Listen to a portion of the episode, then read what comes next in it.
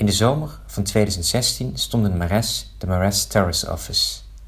Als freelancer werkte ik die zomer aan de receptie. In de kamer tegenover de receptie was een videoproductie te zien van Claudia Sola. Iedere dag was de Terrace Office geopend van 12 tot 5 en ieder uur was de film zo'n 20 keer per uur te zien. De eerste helft van de film deed denken aan een liefdevolle film.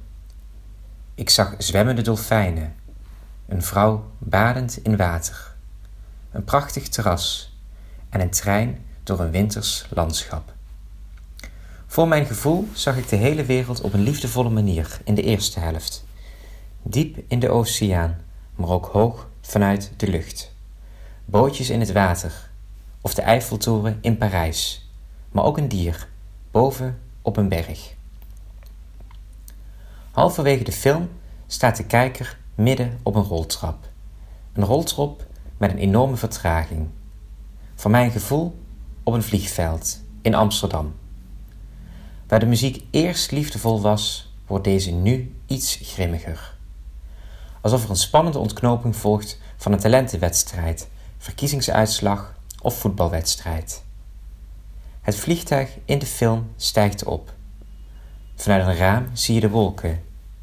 Je vliegt over allerlei gebieden. Het tempo versnelt. Je voelt alsof het naar een climax gaat.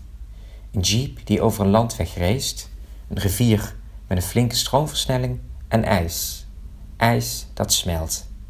En dan? Dan zie je een man. Hij springt. Het einde blijft onduidelijk of hij nog in leven is.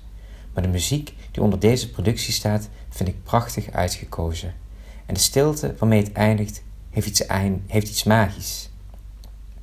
Het enige dat rest blijft de vraag of de man nog leeft. Anywhere but here.